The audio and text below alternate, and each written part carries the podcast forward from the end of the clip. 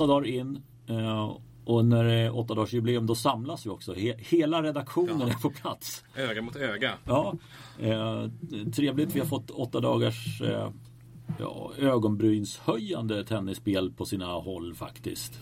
Det får vi verkligen säga. Det har varit skrälltätt i den här turneringen. Ja. Ända sedan första dagen egentligen. Ja men faktiskt. Alltså, det är lite, nu ska man inte raljera för mycket men lite som damtennisen där när, man, när de bara kastar upp ett gäng spelare och så ser man vilka som landar på fötterna av dem. Ungefär så ja. Eh, vi, börjar med, med att konstatera i och med att de två sista slamvinnarna försvann igår. Vi spelar in det här då på tisdag. Eh, Rafael Nadal och Francis Tiafoe. Vi hade båda två framme i fjärde rundan.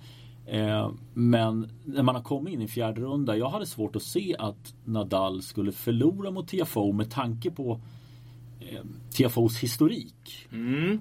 Eh, TFO har vi ju vi egentligen, och det har vi, och det har vi varit inne på flera gånger tidigare, att vi har gått och väntat på den här slutgiltiga fullträffen. Det, det här stora resultatet som vi tycker att han har i sig. Och det, nu är vi ju äntligen, Ja. nu är vi ju äntligen där. Och lite förvånad att det kommer nu egentligen. Eh, om man, om man, när man tittar på förutsättningarna inför den här matchen. Eh, visserligen en bra insats av TFO hela vägen fram. Tappar inte ett set fram till den åttondelen.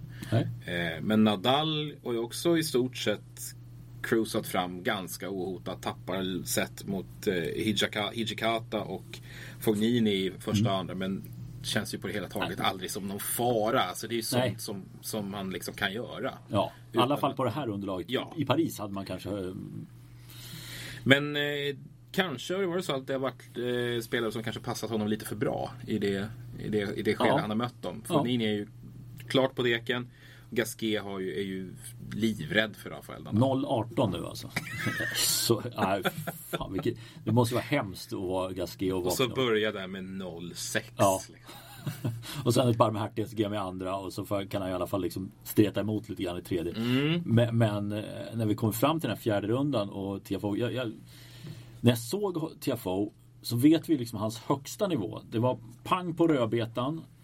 Eh, och det, det kan han ju klara av i vissa sammanhang i en vanlig 250-500 turnering. Men här i en slam i fjärde rundan så han lyfte sig själv och han tog utnyttjade publiken jättemycket. Fick mycket hjälp av dem. Mm. Eh, och den där första serven som den satt. Mm. Det, det var, det var eh, han servade på, på sin högsta tänkbara nivå.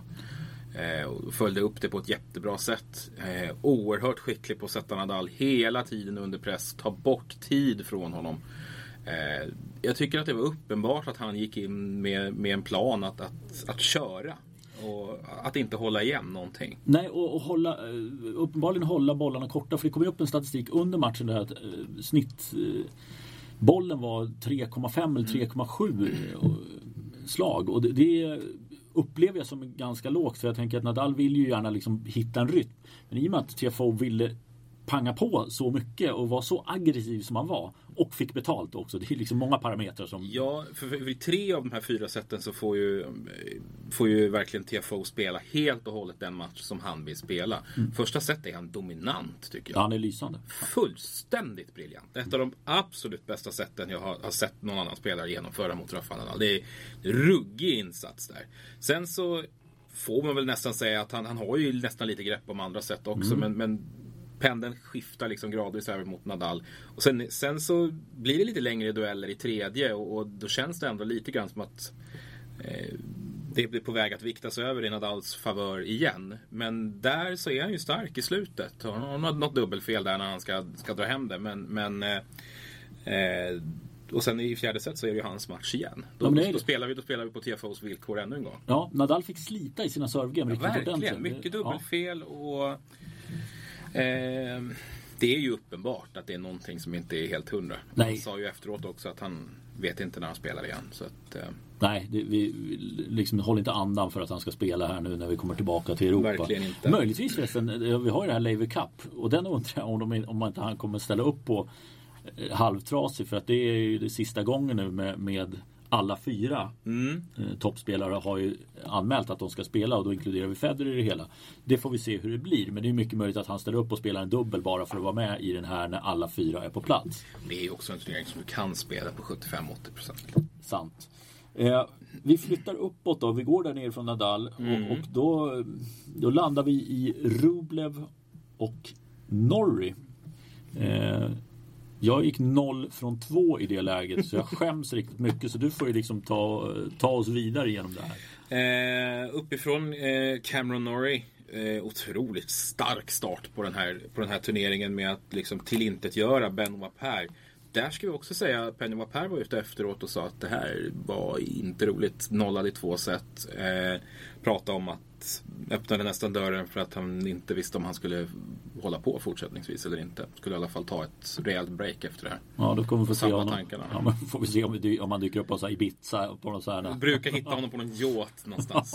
eh, då, eh, det brukar inte gå någon på honom utanför banan. Eh, han kör ju över sen eh, Charles och Holger Rune.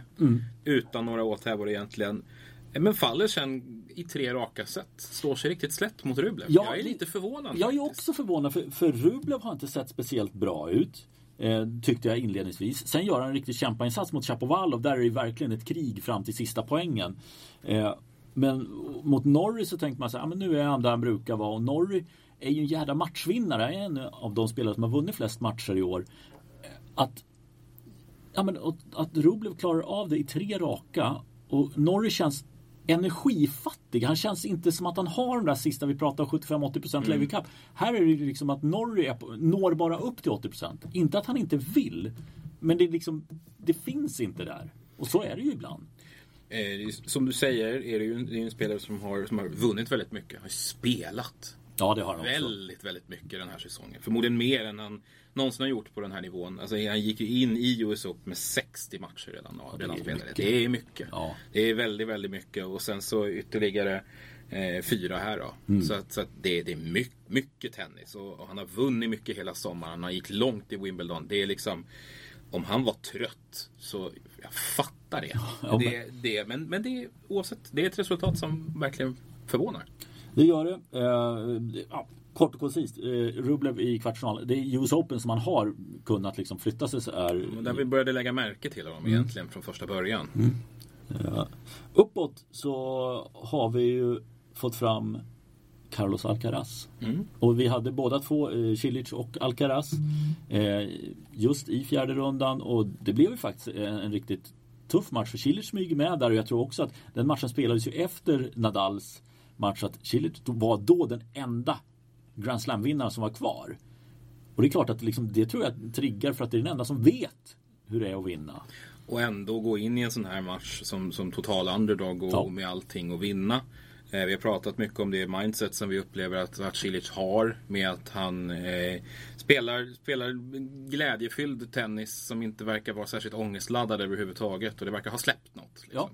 Han spelar ju bättre nu än han gjort på flera år. Ja. Eh, och jag tycker också att han får, har en, en väg fram som, som är ganska positiv i att motståndet stegras hela tiden i form av Marterer, Ramos Vinolas och sen slutligen Evans som ju inte har liksom en kontinuitet som är världsspelare men som, men som är genuint lurig och som du måste liksom spela bra på om han möter dig på ett bra humör.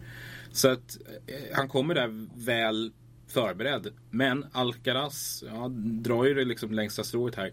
Jag tycker han ser bättre ut också överlag än han har gjort Ja, tidigare under sommaren. Men fortfarande, det, det är en bit Det kvar. är en bit kvar. Ja. Det är en bit kvar. Men, men sättet som han liksom städar av folk fram, fram till den här åttondelen. Ehm, jag såg en del på, i mötet med Federico Correa där hur han liksom bara stökar av, skojar bort honom. Liksom. Det, det är en, en, en grundtrygghet och det, det är sällan man har sett en så ung spelare komma in tidigt i, i slamsen och liksom kunna göra så. Och kunna liksom, antar jag, försöka göra som de största har gjort. Att liksom höja sin nivå allt eftersom tiden går under en turnering. Jag måste säga Jensen Brooksby-matchen där också i tredje set där han ligger under, jag tror det är 3-0 han ligger under med. Och sen så bara växlar han upp och är så inåt helvete bra då. Och Brooksby är ju lite, lite krok i rygg redan innan tredje set börjar. Men med 3-0 i ryggen så tänkte man ah, okej okay, nu, nu kan det liksom hända någonting här. Men Alcaraz körde ju över honom de sista eh, sex gamen där. Det, det var en uppvisning eh, faktiskt av, av klass. Och den där forehanden börjar sitta riktigt fint tycker jag. Mm. Eh, Carlos Alcaraz i kvartsfinal. Det är även Jannik Sinner. Mm. Eh, vi hade ju trott att Hurkacz, vi ska sluta tro på Hurkacz. Sluta upp på Hurkacz. Ja.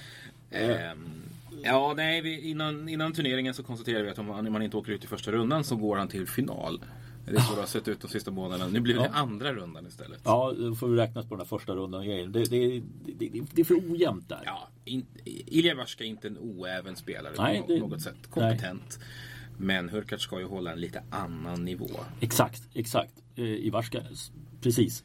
Inget, inget ont om honom, men Hurkacz på den nivån som han är etablerad på. Då ska han kunna liksom vrida till det där lite till och vinna. Mm. Och, det, han klarar ju inte av det uppenbarligen. Liksom. Det, det är märkligt faktiskt. För när han spelar bra Hurkacz då är, då är det väldigt fin tennis och då slår han väldigt många av alla ja, då, är, då är han ju tveklöst en, en ja, men då är han och nosar på topp 5 liksom, när han är på, håller den, den eh, enorma nivå som han, som han kan göra. Eh, men, men det är ju ett, det är, det är ett ruggigt problemområde att mm. han kan svaja så betänkligt i nivå. Mm. Eh, Sinner å sin sida, mm. där är li- svårt att placera honom lite grann. För eh, jag har gjort en match och, och tittat på en hel del av två andra matcher. Och det är, det är ganska tråkigt om man, om man ska vara ärlig. Liksom. Det, det, sprakar inte. Han försöker liksom nu lyfta sig mer och försöka få med publiken och sådär. Eh, men det, det, det lirar inte med hans personlighet. Så det, är liksom, det är ett glapp där. Nej, precis. Sinner är ingen, ingen kul kille. Eh, och det, det, är inte så roligt att se honom spela tennis. Det, det är... Eh, det är, det är välskolat, det är ordentligt, det är, men det är lite mellanmjölkigt. Det är duktigt. Men, men eh, han var ju extremt nära att ställa till det för sig redan i, i öppningsrundan. Som han precis överlever Daniel Altmaier i, i fem set. Ja, det är, inte, det är faktiskt inte bra. Nej. Och sen så kunde det ju ha gått lite hur som helst mot Ivarska också. Egentligen. Ja, du, du satt hårt åt. Han känns inte som någon slutgiltig vinnare för mig direkt i alla fall. Nej, ja, här dök upp en sån här lite sån här smårolig notis man snappade upp. Det bara fyra slamkvartsfinaler där det har varit yngre än Alcaraz Sinner sedan 1990. Rätt roliga matcher här. Mm.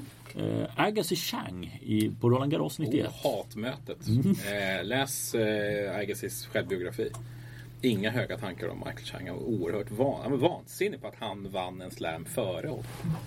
Ja. Bra grej. Bra, bra eh, biografi för övrigt. Oerhört. Eh, Hewitt Roddick i US Open 2001 tydligen. Mm, var innan Federer kom och, och krossade dem allihopa. Eh, sen var det två killar som eh, är bekanta idag. Nadal och Djokovic 2006. Mm. I, på gruset i Paris. Och sen var det faktiskt US Open i fjol. Då det var Ogier Aliasim och Alcaraz. Så där har du en, en liten... Eller du, du visste ju allt det här redan. Ni har. Ni har, precis. uh, det om det. Vi, vi flyttar uppåt då. Ja, och här är det jag som får skämmas som inte har ett rätt i sektion 4. Uh, eh, jag hade ju trott på Taylor Fritz och Tommy Paul. Det känns som att jag liksom börjar, börjar jobba upp en streak här med att dela ut någon sån här tidig kiss of death bara. ja, du skrev det på Twitter. No, ja, men jag, jag gjorde samma sak på. Hurkacz i, i uh, Wimbledon. Här. Ja. Bara, ah, jag har en känsla av att det här kan vara lågt. Och liksom går in med lite samma mindset här i eh, vad gäller Taylor Fritz. Jag trodde att, att, att Fritz skulle kunna ha chans på en semifinal eh, inför turneringen. Det ska jag vara ärlig med att säga. Men... Ja, men jag, jag, såg inte att han hade något problem fram till eh, en fjärde runda. Det, det, för mig var det faktiskt eh, väldigt svårt att hitta. Van der Sandskulp, absolut. Men så som Fritz har liksom flyttat upp så... Nej, men, men samtidigt så, ja det är det är bedrövligt. Hans baneman heter Brandon Holt. Ja, det var ett uh, lite spännande namn med mamma framförallt. Ja, Tracy Austin. Ja, var väl den yngsta. Hon var 15 år tror jag eller något sånt där när hon vann eh, en slam. Tidigare världsetta också. Mm. Eh, lite bortglömd eh, men, men eh, oerhört tungt meriterad spelare i en stark era. Mm. Eh, definitivt. Eh, om vi tar där och så, så Fritz försvinner där och i fjärde rundan så hittar vi Moté. Mm. Va? Ja. Eh, jag, jag såg inte matchen mot van de Sandskulp så jag kan liksom inte riktigt säga vad som hände där. Nej, han har väl inte blivit placerad på någon av de större banorna kan vi väl Nej. eh, kanske eh, säga utan, utan Det var lite Wawrinka, men Wawrinka klarar två set och sen går han sönder. Och det, det, det, det smärtar att se honom. Alltså, jag såg lite av den matchen och, och det är liksom Wawrinka gör det, men det, det, det liksom är för långt mellan att han är så bra. Han liksom, det blixtrar till någon gång ibland. Men han kan ju inte hålla ihop en hel sån här match. Eh, Jag undrar hur länge vi kommer få se honom. Nej, det, det är inte så roligt längre. Och jag undrar Nej. om han själv tycker att det är så himla kul. För nu har han ju ändå gett en ganska lång tid här nu. Mm. Han får ändå fått vara förhållandevis skadefri. Eh, I alla fall vad gäller från allvarliga grejer. Men, men det har ju inte, det har inte ens varit nära att liksom landa på en anständig ATP-nivå nu. Nej, nej. Det är, eh, han är väldigt långt borta från det. Så jag, tycker- det känns rimligen som att vi borde vara in på slutvarvet. Han är ju, han är ju 37. Ja. Eh, Så att visst, det, det är tufft och, och, och kroppen svarar inte lika bra som den gjorde förr. Men man får ju nästan lite känslan att han är rädd att sluta också. Ja. Eller så är det nu att det kommer att han slutar på egna villkor. Liksom han gjorde ett försök och det gick inte. Men jag får, samtidigt får jag känslan att det, nej, det är inget roligt där. Eh, apropå Mo- Moté förresten. Här kommer en eh, rätt bra grej. Luca Branche på, på Twitter. Eh, han är den första Lucky Losern att nå en slamfjärde runda sen en annan fransk spelare som gjorde det i Australian Open 2014. En gammal ett samtal om tennisfavorit. En gammal samtal om tennisfavorit. Mm. En fransman. Mm, 2014. mm. Här kommer du gilla. Mm. Stefan Robert. Åh! Ja. Ja, det var, jag hade glömt bort Stefan Robert. Ja. Eh, var ju en, en favorit just för att han var så oerhört bra på att åka runt och hämta pengar. Exakt. I, i den här typen av turneringar. Han Jajamensan. använde en protected ranking. Han gjorde en Tursonov där och spelade, på, spelade i flera år på Ja, den. nej, helt otroligt. Sen eh, nämna två andra namn också som fram i fjärde rundan från, från eh, David Goffin, Roland Garros 2012. Mm. Och sen Dick Norman i Wimbledon 1995. Belgaren. Ja. Mm. Eh, ingen kommer ihåg honom och alla är förlåtna. Eh, Kasper Rud däremot, där, där måste jag säga, jag, jag tycker att han utan att vara grym så är han bra. Ja. Och han har ju för fan chans att vara världsetta när den här turneringen är över. Ja, nu har ju Nadal åkt ut. Ja. Eh, så, att, så att hoppet lever ju vidare. Han måste väl vinna. Jag tror att det är final. är på, final kanske final gäller. på om Alcaraz eller Rud går till final Mm. så är de världsetta. Om ingen av dem lyckas då är det Nadal som står som etta.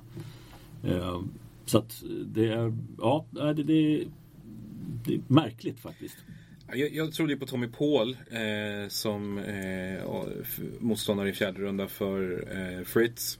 Eh, det var ju tight Ja, mellan honom och Rut. Men sen är det ju ett, ett, ett femte set där, där Paul helt enkelt inte orkar mer. Nej, det snackar om liksom sticka hår på en ballong liksom, med luft. Eh, Han har kravlat sig förbi honom vid 7-5 i fjärde där och sen är det bara tvärslut på Ja. all soppa egentligen. Ja. Tommy Paul har också spelat mycket. Eh, ska, ska vi vara tydliga med. Men Rud eh, han, han har eh, pigga ben och stora lungor. Mm. Eh, det, det har han ju nytta av i de, i de här sammanhangen när matcherna blir långa. Tappar ett set sen mot Moté, men det var ju inget snack om vem som skulle vinna. Moté var, var grinig, irriterad och förmodligen rätt slutkörd. Ja. Så att, eh, började slå upp bollar på läktaren redan i andra set. Ja, Så att- jag såg där och liksom... Ja, det, alltså det är lite Skittramsigt. Som lat fransman. Ja, men, och det, ja, men, ja, jag, jag kan störa mig lite på det med, med den uppsyn och det så som han emellanåt beter sig på banan. Eh, Rud i kvarten, vem möter han där då? Jo, han möter Matteo Berrettini. Mm, och det är ju väl kanske i sig inte en megaskräll. Men, men eh, Sett på lottningen från början. sett på lottningen från början eh, så, så trodde vi väl ändå att han skulle vara i en åttondelsfinal. Ja. Mot, eh, men mot eh, Stefano Tsitsipas. Åh herregud, Tsitsipas. Vilken total genomklappning. Alltså vi, vi, vi skrattar nästan åt den innan vi pratade innan. Både i, i podden och när vi pratade liksom innan vi spelade in podden. Mm. Att det är ju ingenting, alltså han kan inte förlora mot Galan. Nej, han kan inte förlora sen. Han skulle inte ha förlorat sen heller egentligen mot Jordan Thompson. Så det, det, vägen låg verkligen totalt öppen för honom. Jag, eh, nej man blir bekymrad över, Ja. över hur det såg ut. Eh, Och ironiskt också att nu när on-court coachning slutligen är tillåtet så klappar han igenom och har ingen hjälp av det överhuvudtaget. Eh, Det kanske störde hans rytm, vem vet. Men nej, det var en, svårt att hitta liksom bra förklaringar. Det, det, det är en... eh, Han sa själv att bara att jag gjorde en riktigt dålig match. Och, ja, det kan man bara skriva under på. Det ska inte han göra i en sån här turnering. Nej. Att han gör det i Mets, okej. Mm. Men inte i New York, Flushing Meadows, US Open i en första runda.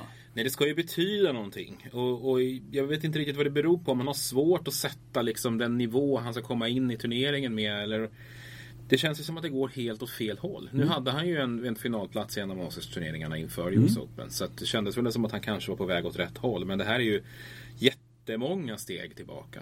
Ehm, det finns anledning att vara bekymrad över, över liksom uppträdande och karaktär. Och, eh, han kommer ju inte närmare den där första Grand Slam-titeln direkt. Nej det gör han inte. Alltså det, det är ju, det ska jag säga så här, han är en av de, också en av de som har vunnit flest matcher på touren i år. Så att det är inte det, men just i slam så har man ju förväntningar och i och med att han var i final i Paris och, och alltså det finns saker som man ser i honom som gör att han skulle kunna vara det. Han har väl sett sig själv kanske lite för mycket också som en sån och inte gjort jobbet hela vägen så att säga. Efter, framförallt efter den finalplatsen också.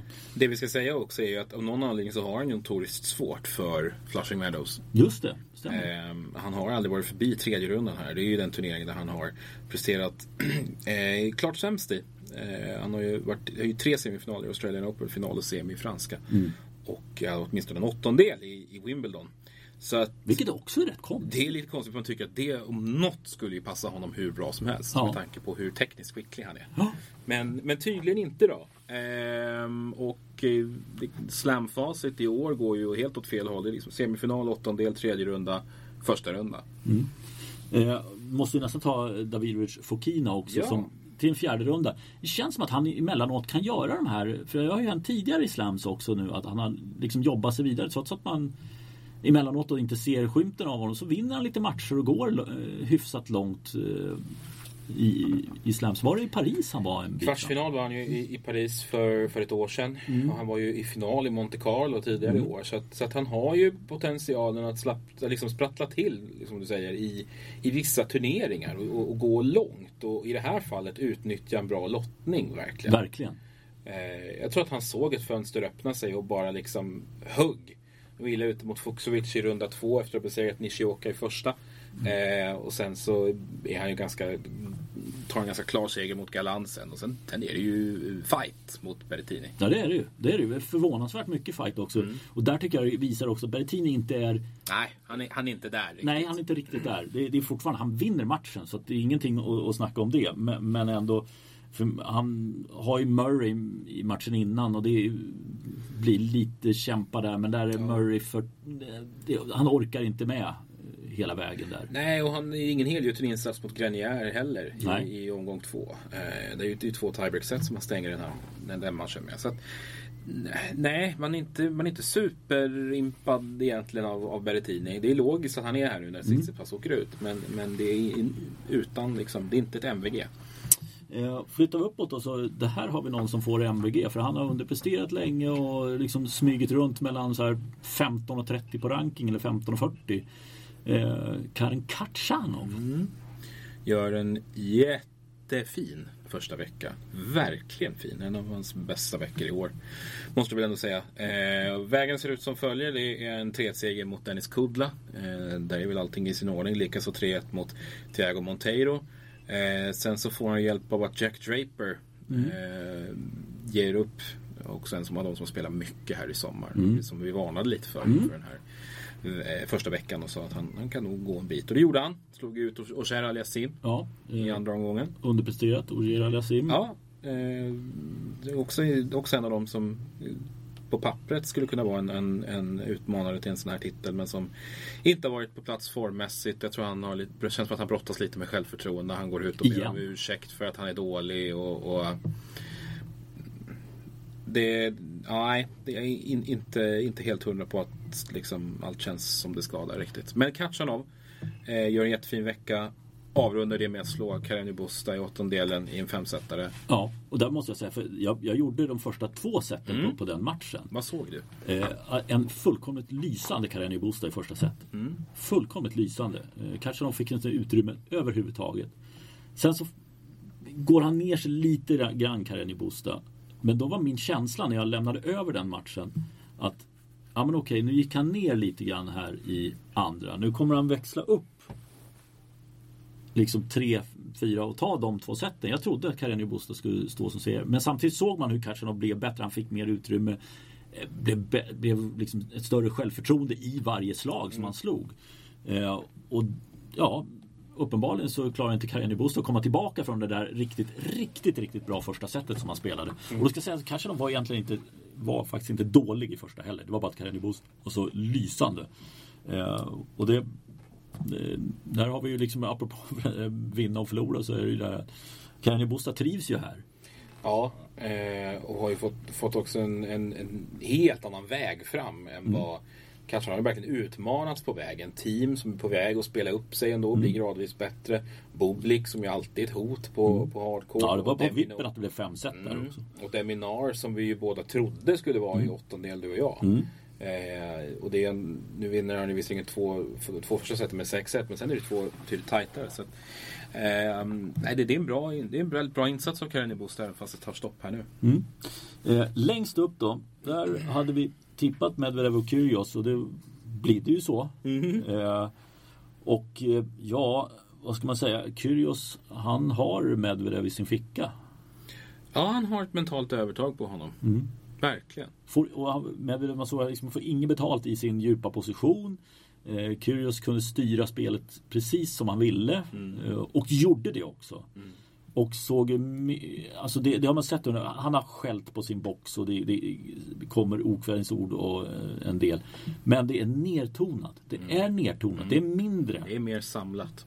Det är det. Han, han har ju någon spottloska och lite sådana grejer som, han, som han har gjort som varit lite sådär. Men överlag så är det ju mycket mindre surr än vad det var i Wimbledon till exempel.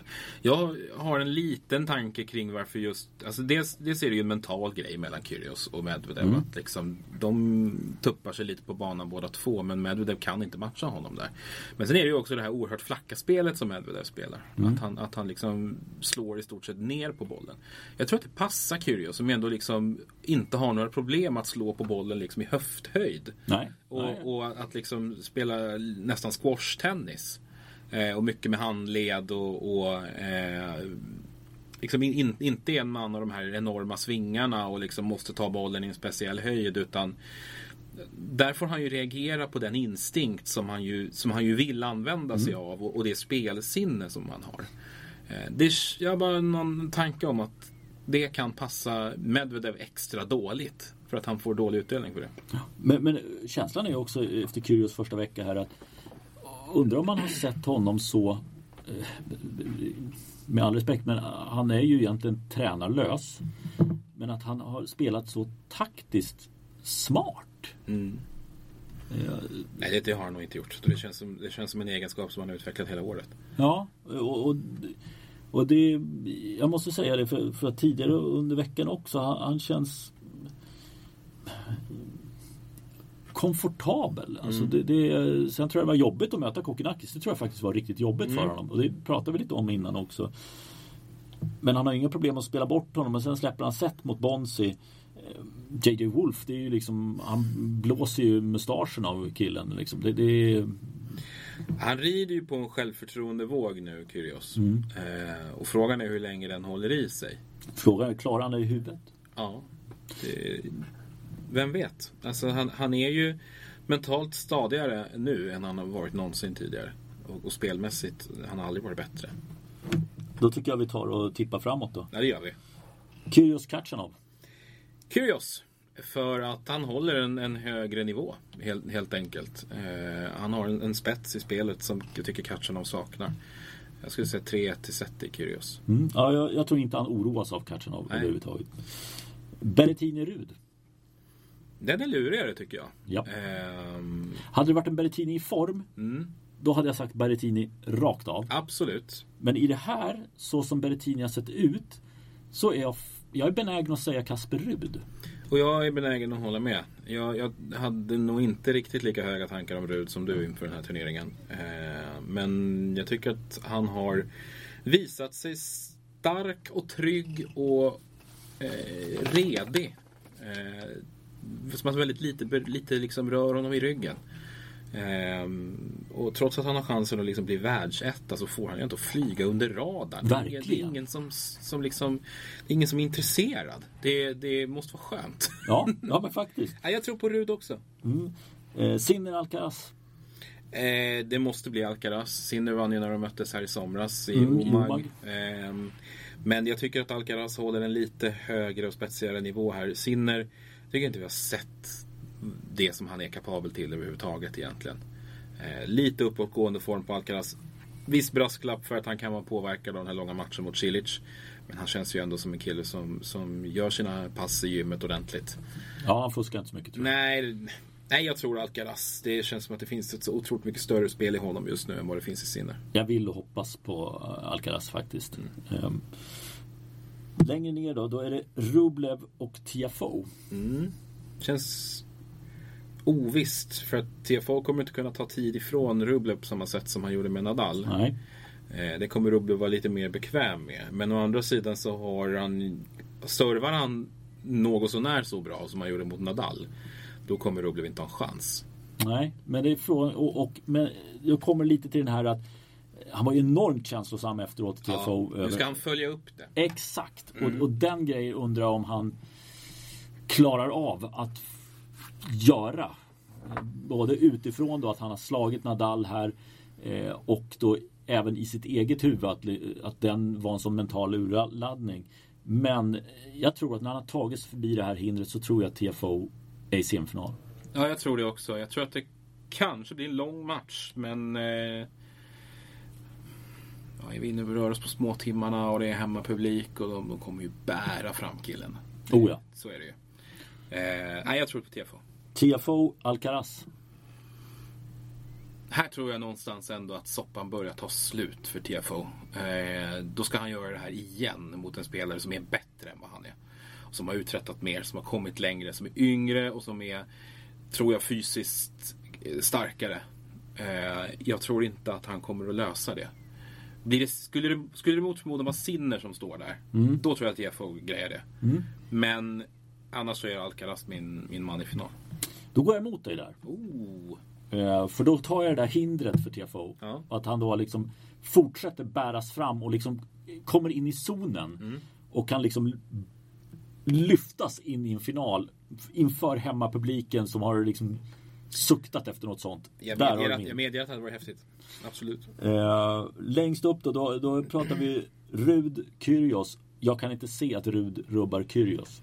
Det kan faktiskt inte jag heller. Om Kyrgios fortsätter att- prestera på eh, samma sätt som han har gjort tidigare i turneringen så ska han, ska han nå, nå finalen. Eh, Ruds stabilitet kommer inte, det kommer inte, det kommer inte räcka. Nej, det, det, där krävs, det krävs någonting speciellt tror jag. Det, den enda som kan sätta käppar i hjulet det är ju Nick Kyrgios själv. Mm.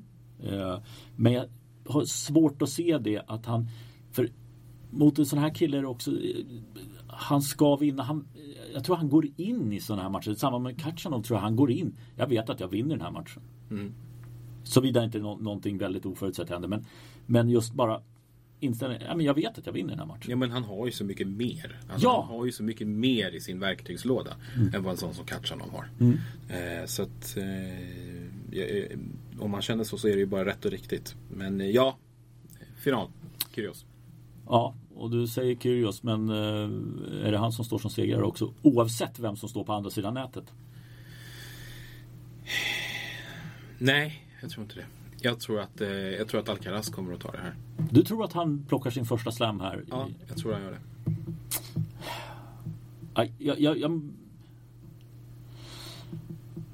Nej, jag- måste gå på, på att det här är Kyrgios chans. Han, han ska ta den här. Sen kan han ja, eh, prata med, med kollega Patrik Andersson här i huset. Och, och, men det skulle kunna vara så att han lägger av efter det här. Alltså, ja, det- det, det- absolut, ja, absolut. Absolut. nu tror jag inte att han gör det, men, men teoretiskt ja, han skulle fan med kunna göra det. Mm. Eh, Jag tror att han gör, för att liksom få alla belackare som har, har huggit på honom att men du snackar mycket men du har ju aldrig vunnit en slam. Och jag tror att det liksom, här, nu, nu har han ju en sån ordentlig vittring. Men å andra sidan ska sägas att jag tror att nu är det en press på honom. Mm. Han, han är ju den som alla kommer att prata om här nu under de här dagarna som återstår. Det är det ju. Han är den som, som alla kommer vilja se.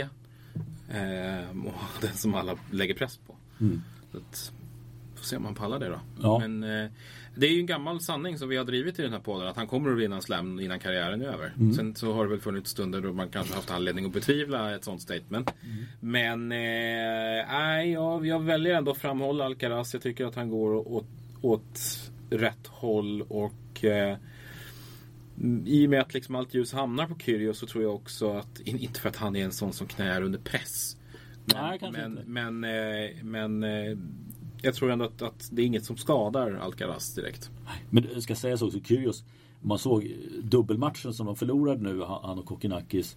Eh, alltså det, det är sån eh, det är ju rockstjärnevarning på det. Alltså det är sånt jävla liv. Mm. Det är andra gången jag svär i den här podden idag.